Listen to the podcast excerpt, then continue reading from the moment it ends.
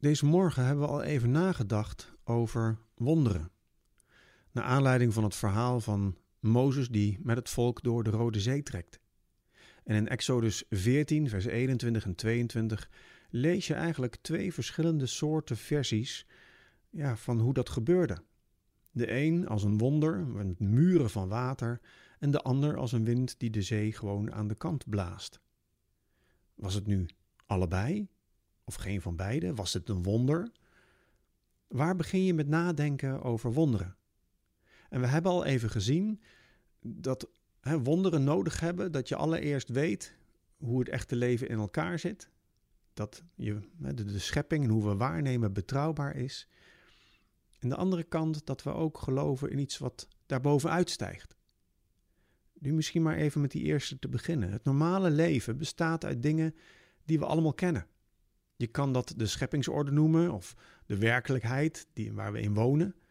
We kennen allemaal begrippen als zwaartekracht en snelheid, licht en donker, maar we kunnen ook lief hebben en, en we ervaren dingen als goed of slecht. God heeft ons alle ingrediënten gegeven die we nodig hebben om te kunnen leven. En als je daarover nadenkt, dan begint daar misschien zelfs al het wonder. Theoloog van de Beek die zegt: de ordeningen zelf zijn een wonder.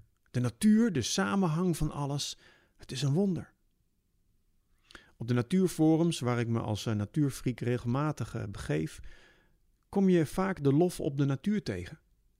Alsof de natuur een op zichzelf staand genius is die alles heeft bedacht. Zelfs hè, als er helemaal geen God bestaat, is er een soort diep respect, diep ontzag voor de natuur. Met niet-gelovige biologen kan ik me vergapen aan de schoonheid en complexiteit van de natuur. We kunnen onder de indruk zijn van het wonder. Denk aan de voortplanting, een kindje krijgen. We weten voor een groot deel hoe het allemaal werkt. Maar tegelijk is die zaadcel en eicel samen een ontploffing van nieuw leven, een wonder. En als een kindje geboren wordt, of u nu gelooft in God of niet, we ervaren dat als het wonder van nieuw leven. Psalm 139 zegt: U was het die mijn nieren vormde, die mij weefde in de buik van mijn moeder. Ik loof u voor het ontzaglijke wonder van mijn bestaan. Wonderbaarlijk is wat u hebt gemaakt. Ik weet het tot in het diepst van mijn ziel. Als gelovige in God herken ik me trouwens ook in de woorden van de psalmist die hij schrijft in Psalm 119. En daar schrijft hij: Uw richtlijnen zijn voor mij een wonder. Daarom volg ik ze met heel mijn hart. Als uw woorden opengaan, is er licht en inzicht.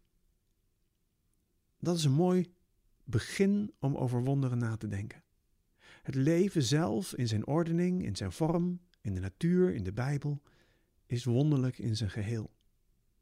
Het wonder begint niet met een ervaring die onze realiteit verandert. Nee, allereerst moeten we zeggen: onze realiteit is vol van wonderen. Wat vind jij het grootste wonder als je om je heen kijkt?